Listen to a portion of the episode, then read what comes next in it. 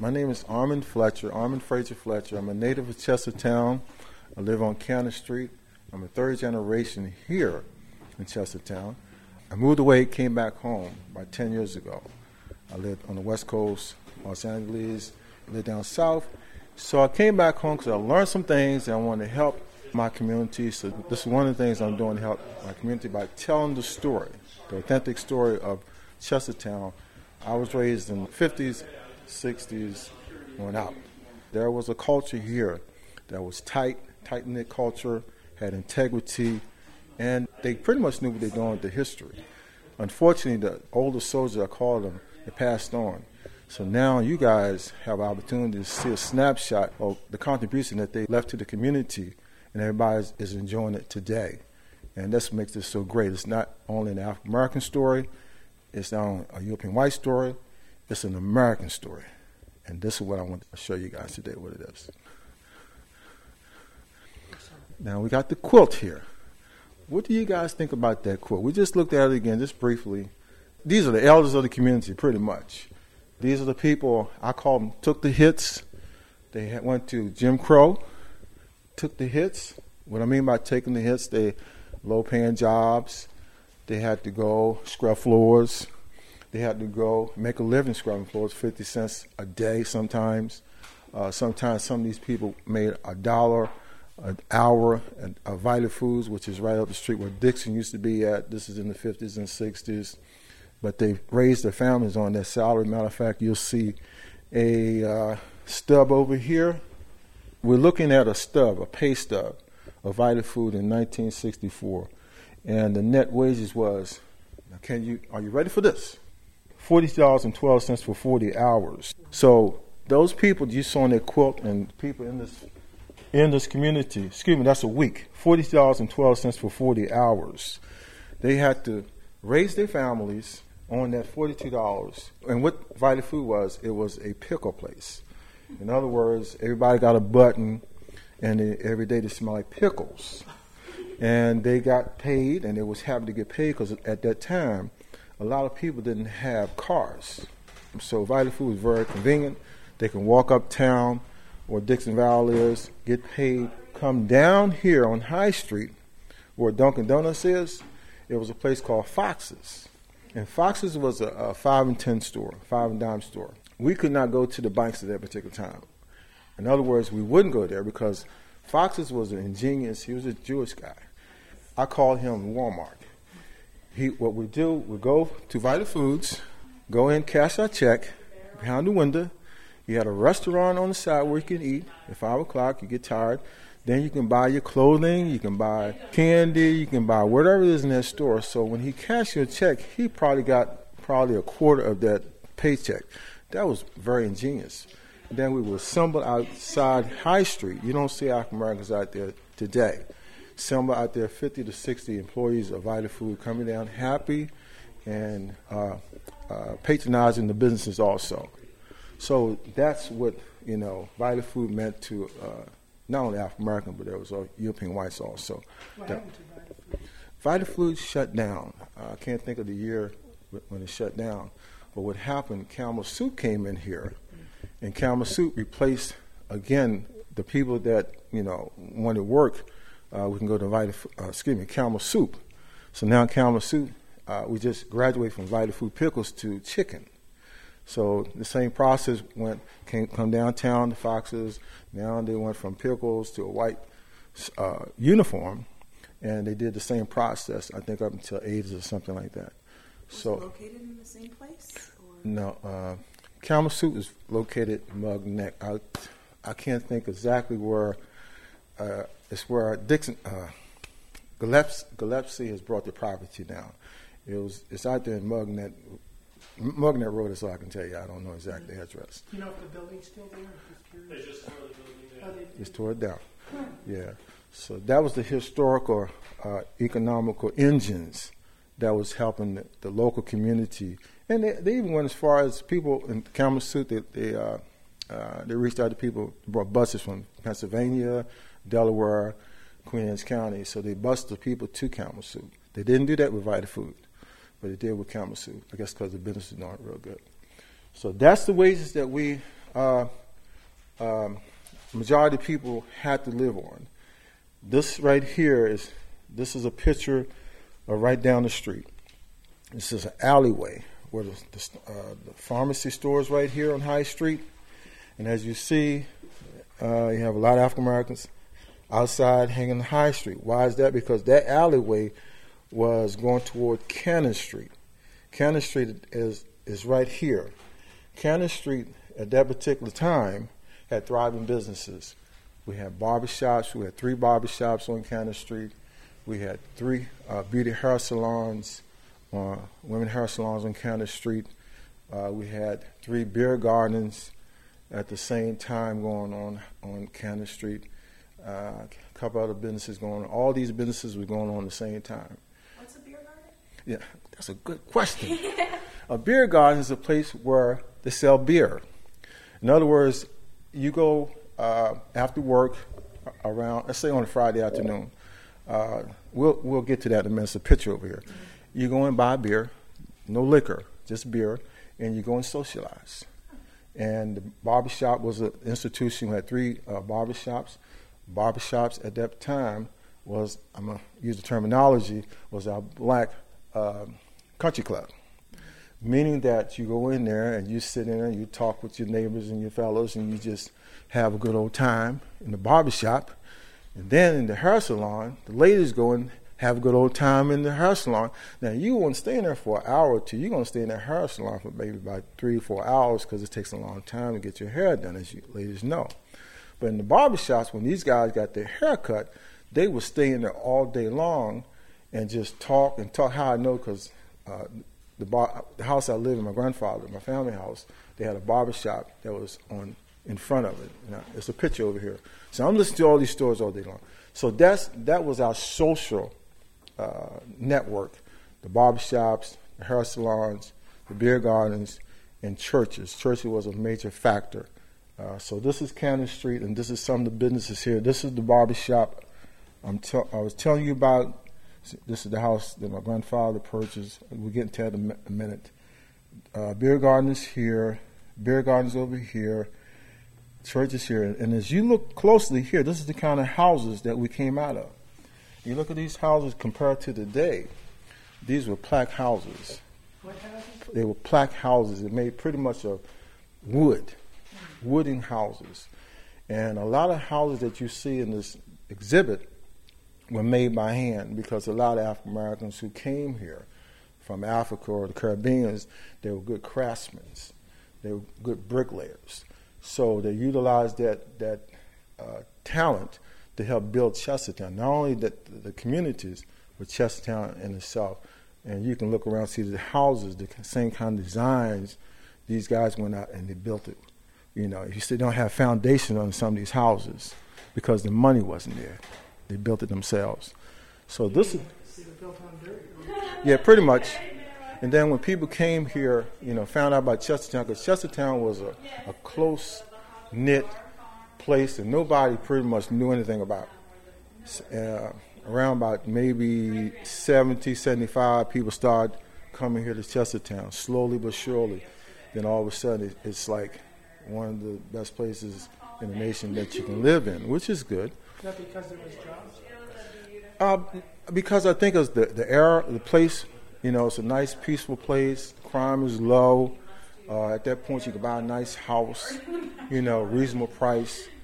So you know, it was a combination of different things. You know, it was attractive to someone who's in the city who want to come here and just say, "I want to get away from everything." So I think a lot of people moved here today is from the Western Shore and other places also. You know, they got people from Europe and all over too. So this is pretty much what it was in the 60s.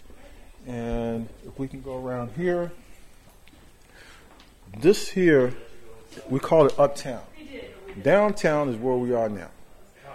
Downtown means High Street, Cannon Street, Calvert Street, Queen Street. When you go up by Garnett Elementary School, uh, it's called Uptown. We call it, natives call it Uptown. And this is a landmark uh, store. This is another plaque house right here, plaque store, which on the corner. And this was a grocery store here, and, and the fellow had his family up here called the Munson's store. Munson's store uh, is just a landmark. They tore it down now, but whenever you rode through Calvert Street, you saw a Munson club, excuse me, Munson store, and across the street is the Uptown Club, which we will look at uh, in a minute. These people here, I don't know who they are, but it's a good picture. Who, um, Geraldine Munson, were they African American and Miss, the Munsons? Yeah, Yeah, they were. Yeah, they're African Americans. Yeah, and and Munson held that store for so many years. Then he took that store and he moved down over here on Cross Street, and uh, he opened up a grocery store, much better uh, and everything like that. And that was amazing. Mhm. Yeah, We're, just, we're, we're, they're learning how to use the mic, so I was just kind of. Oh, okay. Okay. You're a little bit of a But you're doing All right. great. Oh, no problem. I don't Yeah, mind yeah, being- we're being working, approved. working with you. so. Okay. Are they related to the Professor Munson that just retired? You know, I don't know. That is a good question. I don't. He was an environmental professor, I think. Okay. Just retired, yeah. Oh, Interesting. okay. Can Any any more questions? Anything like that? Um, I, I do have a quick question. Mhm. Okay. Besides the beer gardens, the barber shops, Mhm. um, the beauty shops, and Munson's, Mm. were there m- very many more African American owned businesses? We're going down that road right now. We're about to go. Matter of fact, let's go over here. Okay. Now, this is a business, entrepreneur business. Mr. Kurt Dorsey and his his lovely wife, Miss Kurt, is passed on this year. And Miss Miss Dorsey was the uh, queen of the Tea Party. I call it. Uh, um, I can't think of the name. In other words, she was the, the person. This lady here, what? Hey George, Yeah. wh- what she called the person who who is uh, like not the queen of the Tea Party, but the one who was honored in the Tea Party Oh, in the parade. in the parade. The Grand Marshal. Grand Marshal. Okay. That's the word. Miss Dorsey was a Grand Marshal because her and her husband had this book, I mean, excuse me, this bus business for about 50 to 60 years. still do, I think. Still do. And that business thrived and thrived and thrived, and, you know, he got businesses all over the place. So this is one of the premier businesses that not only started probably in the 50s, or probably earlier, but maintained its course up until the 21st century. So, and they they live in Comans, and that's you know that's a long. A lot of these business uh, um, uh, African American businesses, they had at least a 40 year reign. These leaders, this this makes this this story so incredible, that every leader that we had, they weren't for leaders for 10 years or five years, 20 years. They at least have average of 40 years of being in that leadership position and making a difference and left again beneficial for all of us today to enjoy it. And this is one of those businesses right there. If you look behind you, right here, now we're going to a place called, uh, we go Jim Crow. What's Uh, Jim Crow? That's a good question there. I'm telling you, I feel, I feel like I'm so old. Jim Crow is, is a place where they had signs. On this side, whites only. On this side, blacks only. In restaurants, uh, on jobs, going to the bathroom, uh, you name it. It was just a separate uh, blacks sign says blacks only and whites only. Blacks could not go into the white side. Maybe some did, but it, it was just the signs. It was a psychological. It was one of the worst thing they say that next to slavery. But this here was a psychological thing all over America. And that's what the Freedom Riders, the Freedom Riders brought that sign, those signs down. We'll get into the Freedom Riders in a minute. I have a quick question. Mhm. Where do you think Sam would have fit in? If there was black only, white only, where would she have to have gone? That is a good one, Sam. I cannot answer that question. Can you answer that question for me? I'm learning. I don't know. But we- uh, to say, I'm afraid she probably I'd probably be colored. Yeah. but it's a good question. And, and we'll get to the Freedom Riders in a minute. Uh, stay with that question Let me one more little quick on Mhm. Go side on that one. What about the African American barber shop? No signs? Were there certain Mm-hmm. businesses that were, how did that all? Uh, it, it was separate but equal. We talked about it earlier, George. I'm glad you said that. Cannon Street let me let me go. Custom House, where the Custom House is, Water Street, Queen Street, Cannon Street, up until the hill of Cannon Street, that was African American. Now there wasn't a sign there, but there was an imaginary sign there. Meaning I can go as far this the Cannon Street here, but I can't go up further because it was a psychological sign that you just didn't go. I couldn't go to Washington Avenue. I couldn't go to Washington Avenue, even though we did when we integrated school, because we know we knew that we was not allowed in there. Isn't that amazing? I'm telling this story right, 21st century, and, and now everybody is like, you know, a melting pot. But yeah, that's what I had to go through. That's what a lot of us went through. And how old were you when you this was happening? What you're talking about? Oh, we're talking their age. We, well, no, I say teenager, 15, 16, 17. And I was like one of the 11 people who integrated Chestertown High. That's another story. We'll get to that in a minute. But yeah, so that's psychological. That that Jim Crow, like all over the nation, it just just devastated a lot. So the barbershops were in the black part of town. Exactly. Okay. And then there was other barbershops for the for the, For the white, yeah. They were pretty much Washington Avenue area where you see uh, up there where where Washington College is, the, the Sitco and that barbershop. That barbershop been there for a long time. Uh, yeah. So it's, it's it's traditional. It was just a traditional thing, but yeah, it was Jim Crow was one of the worst things psychologically that can affect a person. The older person you talk to about that, the more they can tell you better than I can tell you. This school here came from out, I guess, George, you researched on on on the school system, but this is Old Garnett. Old Garnett. I mean, I mean let's let's do something here.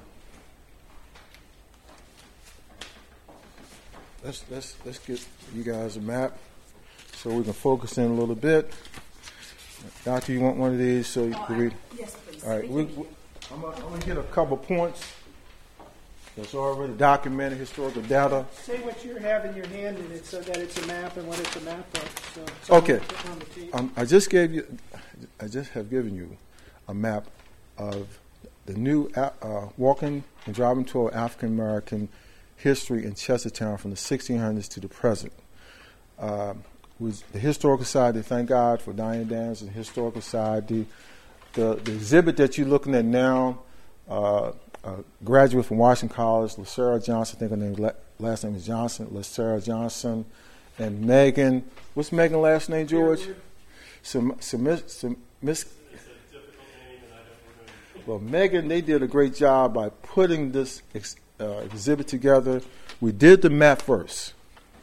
Then, what you see here now, the community responded back and they sent pictures uh, to make it even broader. So, what you're looking at, what we're talking about today, is the contribution of the African American community and the European white community together. Who, like these pictures here, were donated by people. Leslie donated her picture over here, Leslie Raymond, and the lady right here donated this picture here. So it was a combination of white, European. We getting to your culture there. We getting there, all right? We're gonna get there. So it, this is what makes it so beautiful. So this is not just my story. This is the whole story. But what I just, uh, what you have in your hand is now is powerful information about this community and uh, we, we're going over 13, which is Garnett School. Garnett School, as you see, is African American school was built in 1916 and was founded through the efforts of Miss Emma Miller. What happened to Miss Emma Miller? Miss Emma Miller had the guts and the vision. See, we weren't, we didn't have a school in, in Chestertown. Uh, a lot of the, the students and the children was getting taught out of the churches and one room schoolhouses. Wharton, um, uh, can't, Big Woods, uh, I think Sandy Bottoms, all had one room schoolhouse, meaning that one teacher was teaching 30 students. And they had this one stove. You're looking at me like, this is amazing. They had one stove in there. Yes, that's what they had. So Miss, Miss Emma Miller had the vision say, wait a minute, we, the, the people cried out in Chestertown and the surrounding area said, we need a, a better school system. So Miss Emma Miller took a piece of paper and pencil, wrote to the Maryland General Assembly, and said, we need some Anita School. And the General Assembly put her on the agenda, and she made her presentation. And they said yes, so they raised, I think, $5,000 for get uh, this school together. And this school here, after we got Garnett School, it combined all the schools together in Kent County. All the black schools or all the? All, all the black schools together, combined themselves together, and and com- and went to Garnett School, which is across from Bethel Church now. Matter of fact, Washington College owned the property. It's a big house there now. But, th- but the school was there, right across from Bethel Church. That's where this school was sitting at. So through the efforts of Miss Emma Miller, one lady, this goes to show you, if you got the passion inside you to do something, you can leave a contribution so huge. It's incredible. So all what Miss Emma Miller shows me, all the possibilities that you can do as a young person or as a person with passion to make a difference in the community. So that one lady did that. So is that school still there? Did that burn down, did I read? Or It- it- Garnett, the the- original? They knocked it down. And uh, now, what happened when they knocked it down, this is what it looked like right here. And it's just the old bus. It's a big, big uh, windows here, the old bus like that. You ever see a bus like that before? You wouldn't ride something like that, would you? This is Garnett again. This is the school buses waiting for the kids out front. Again, this is uptown. This is up where the Garnett Middle School is, where the, the playground is. It's right across the street. That's these. That's what the school is. That's what this is. Uh-huh.